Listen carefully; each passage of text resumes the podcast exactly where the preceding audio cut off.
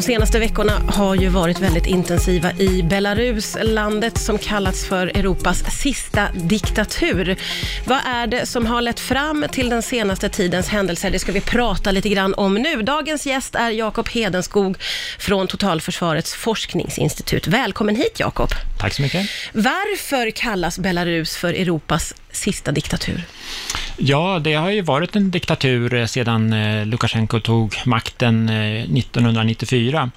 Eh, ehm, Belarus blev ju självständigt 1991 när Sovjetunionen föll samman och ehm, eh, Belarus var väldigt oförberett för självständigheten. Det fanns ingen demokratisk, stark demokratisk opposition. Eh, det fanns ingen stark nationell identitet och man hade aldrig haft någon minne av någon självständighet och någon demokrati i motsats till de baltiska staterna till exempel. Mm. Så när Lukasjenko blev vald, vis, visserligen ett demokratiskt val, mm. då, då, valde han att, att, så att säga närma sig Ryssland och han införde ett mer auktoritärt system då i landet.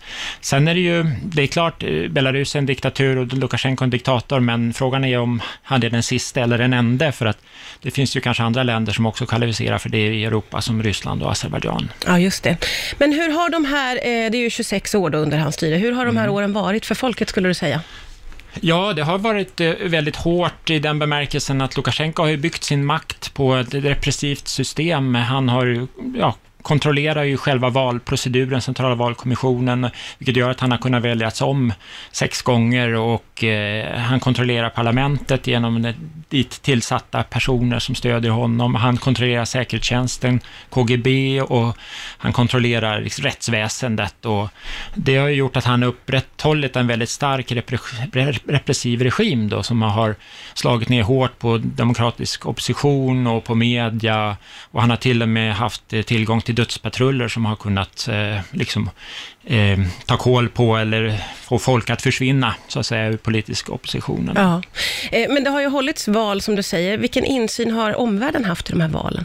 Det har varit väldigt dålig insyn eftersom man inte har haft några oberoende observatörer på plats, vilket förekommer kom då till exempel i samband med parlamentsvalet som var så sent som i november, men just nu på grund av coronan då, så har man inte skickat dit några observatörer och regimen har heller inte liksom gett några akkrediteringar då. Mm. Så att det har varit eh, på det sättet dålig insyn. Sen är det ju uppenbart, om man följer valrörelsen så ser man ju att det varit en väldigt stark stöd för, framförallt för den här oppositionskandidaten Tsikhanovskaja då. Och att stödet för Lukasjenko har eh, förmodligen varit betydligt mindre än vad det varit i tidigare val, då han förmodligen ändå haft ett ganska stort stöd i befolkningen. Ja.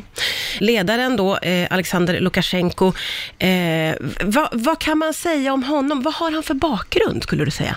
Ja, han eh, valdes då 1994 och då hade han tidigare varit ordförande i en kolchos, det vill säga kollektivjordbruk under Sovjettiden. Och så hade han kommit in i parlamentet och där satt han då som ordförande i en kommission mot korruption. Och det var en nyckelposition eftersom då kunde han ju anklaga alla sina politiska motståndare för korruption. Och han valdes då på ett politik så att säga att um, återupprätta Sovjet-Belarus kan man säga, mycket nära relationer med Ryssland och eh, att inte reformera ekonomin och politiska systemet då, mot ett västlig, västligt demokratiskt system. Så att han, eh, han är en eh, nostalgiker i den bemärkelsen att han ser på Sovjettiden väldigt, väldigt liksom varma känslor. Ja. Och har som sagt upprätthållit sin makt mycket tack vare den hårda repressionen. Men man måste också säga att han har lyckats balansera både inrikespolitiskt och utrikespolitiskt på ett ganska skickligt sätt för att, att hålla sig kvar vid makten. På vilket sätt då menar du? Ja, vad det är inrikespolitiskt så har det funnits en form av samhällskontrakt mellan regimen och medborgarna där man har så att säga gett medborgarna en relativt god levnadsstandard i förhållande till andra Sovjetrepubliker mot att de inte lägger sig i politiken. Mm.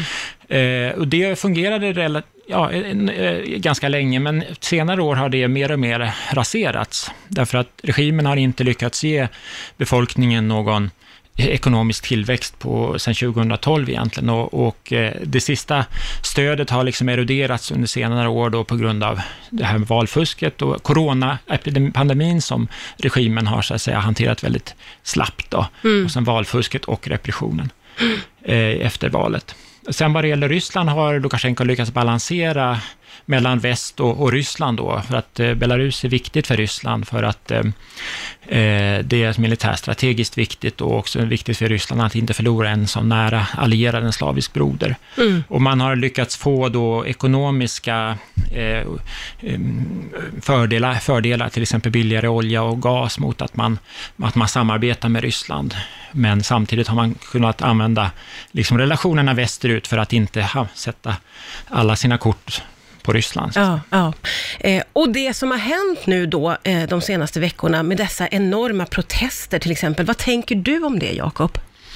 Ja, på något sätt måste det ju ske någon lösning eh, av den här politiska krisen och, och, jag tror inte att Lukasjenko kan lämna över makten frivilligt till någon ur oppositionen. Det är som med auktoritära system att det, det är väldigt svårt med, med en frivillig reglering av successionen för att allting står på spel eh, och en diktator kan inte bara lämna över till en, en demokratisk eh, vald eh, kandidat, mm. utan då förlorar man allting, det är kört. Mm. Så att det finns olika scenarier och ett är väl att Lukasjenko och regimen maler ner och väntar ut protesterna och strejkerna och använder måttligt våld och ekonomiska hot och påtryckningar.